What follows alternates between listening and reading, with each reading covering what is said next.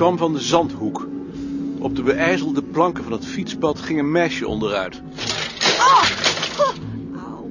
Een meisje met een hard, onaangenaam gezicht. Hij was haar al gepasseerd, maar hij hoorde de smak, draaide zich om en liep naar haar toe. Ze krabbelde overeind. Hij aarzelde. Heel? Heel.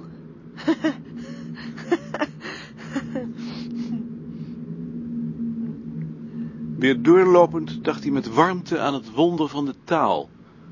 Een woordje als heel, dat dan door de ander begrepen wordt.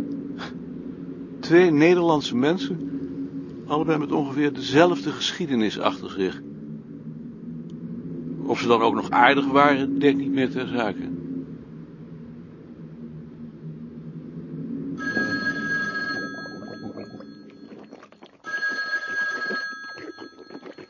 De telefoon gaat!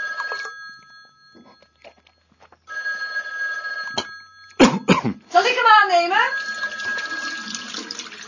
Als je dat wilt doen, Zal Erik Visser wel weer zijn? Ik zal hem even roepen. Er is Sien. Sien. Dag Sien. Gefeliciteerd met je verjaardag. Dat je daar meteen aan denkt. Het zit in mijn hoofd gebeiteld. Eh, ik wou vragen of je een stuk taart komt eten. Dat is ontzettend aardig. Eerlijk gezegd was ik dat ook al van plan. Ja? Ik had het toch beloofd? Ja, maar dan hoef je het toch nog niet te doen. En als ik iets beloof, dan doe ik het. Maar ik vind het natuurlijk heel aardig dat je me opbelt. Je komt dus? Ik kom. Tot zo. Wat had ze? Ze vraagt of ik een ehm, stuk taart kom eten. Wat aardig. Ja, dat is aardig.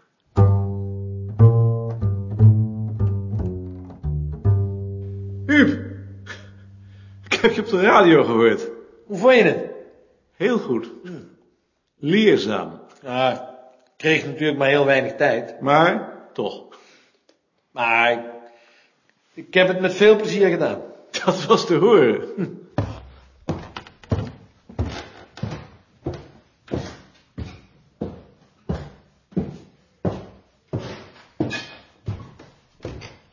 Ben je er nu al? Ben ik te vroeg? Nee, nee, helemaal niet. Eh, want ik wou je nog iets laten zien. En ik wou je ook nog wat vragen. Dag Dini. Dag. Eh, ga zitten.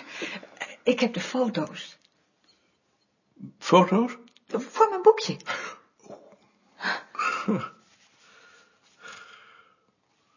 Mooi.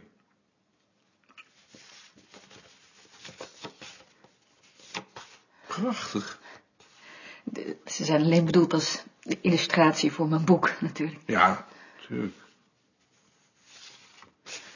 Ze zijn wel heel mooi. Vind je ze echt eh, mooi? Ik vind ze prachtig. Ongelooflijk dat je die nog hebt kunnen vinden. Eh, Ze hebben me erbij geholpen. En, en Henk heeft me ook geholpen. Zijn er ook nog foto's van jou bij? Nee, eh, de recente heeft Henk gemaakt. Maar de meeste zijn van vroeger. Ja, dat zie ik, ja. Ja, daarom verbaast het me dat je er zoveel hebt gevonden, want ze zijn allemaal binnenhuisopnamen.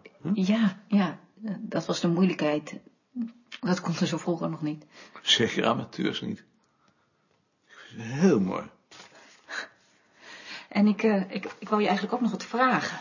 Ehm, ik heb een inleiding geschreven over de veranderingen in het voedingspatroon in het begin van deze eeuw. Ja. Eh, zou jij die eens willen doorlezen om te zien of ik geen gekke dingen heb gezegd? Kan Charles dat nou niet beter doen? Die heeft geen belangstelling voor materiële cultuur. En Ad of, of, of, of- Frits? Die hebben geen verstand van voeding. En omdat jij mij in de tijd begeleid hebt, Ik wil het wel doen. Geef maar. graag. Mag ik er aantekeningen in maken? Je mag er alles mee doen. Ik kan zo een andere maken met die moderne technieken. ja, dat is zo. Maar je denkt natuurlijk, waar blijft de taart? Ja, dat dacht ik. Ik zal het even bij elkaar halen. Dini, hoe gaat het nou met jou? Ik vind het wel goed. Je hebt er geen spijt van dat je hier terecht bent gekomen? Nee, helemaal niet. vind het heel prettig hier. Gelukkig. Je eens kijken wat je uittikt. Het waren verhalen die hij zelf in de tijd nog op de band had opgenomen, samen met Bart en Stinnissen. Onder elk verhaal had ze de trefwoorden gezet voor het register. Is het moeilijk? Ik vind het nu niet moeilijk meer. Hij vindt het leuk? Ja, ik vind het heel leuk. Zo moet het ook. We gaan taart eten. Dag Joop. Ha, Maarten. Jij komt zeker taart eten. Ha, Maarten. Dag Eve.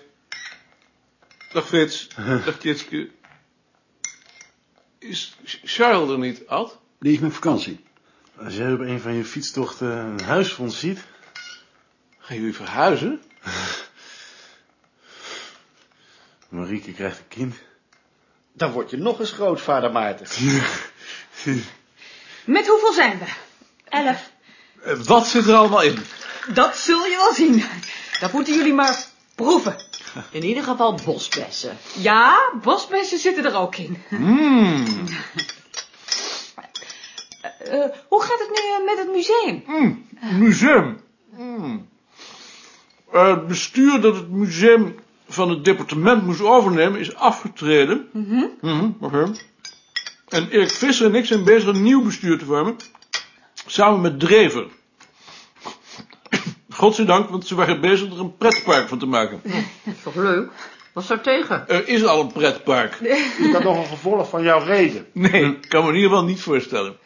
Hebben jullie dat rapport nog gekregen? Dat hebben we gekregen. Maar eh, daar heb je dan toch zeker wel voor gezorgd? Nee, dat is allemaal Erik Visser. Ik val in zo'n geval aan. Dan ben ik tien minuten aan het woord. Daarna valt er een stilte. Vroeger gingen ze dan over tot de orde van de dag, maar tegenwoordig neemt Erik Visser het over. Die zegt precies hetzelfde.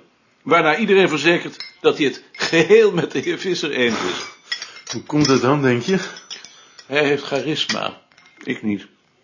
Bovendien ben ik geen killer. Ah, Dini. Dini, dat... Sorry. Dini, dat is toch jouw baas geweest? Ja, En heeft hij zoveel charisma? ik vond het een eh, heel aardig man. Sorry. Ga jij ook in dat bestuur zitten? Nee, dat zou Charles moeten doen. Maar ik geloof niet dat hij er zoveel zin in heeft. De minister is toch niet gekomen, hè? Nee. Cardozo was er. De man die verantwoordelijk is voor het museumbeleid. Hij zat naast Erik Visser en ging meteen na mijn reden weg. Toen hij wegging gaf hij Erik een briefje. Wat koning beweert is aantoonbaar aanvechtbaar. Kijk, Charles zei toch tegen jou dat Maarten hem niet overtuigd had? Daar weet ik niet van. Nee. Nou, dan eh, eh, heb ik dat verkeerd begrepen. Misschien heb ik Charles niet overtuigd.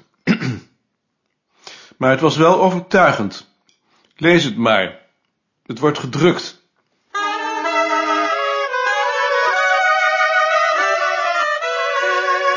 Ah, Maarten. Dag, Bart.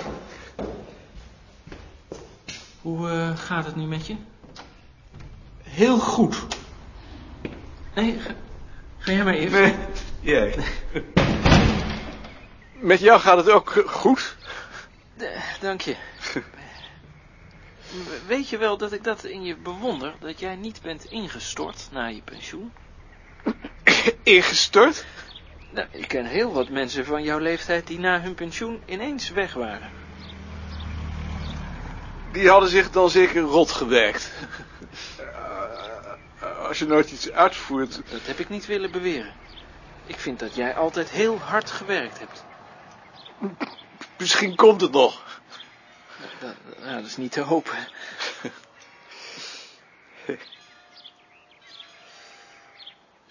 Hoe gaat het met Marion? Heel goed. Dank je. Doe dat de groeten. We zien elkaar nog wel eens. En doe jij de groet aan eh Nicolien? Ik zal het doen. De omgang met mensen is een ramp. Een mens kan maar het beste alleen zijn.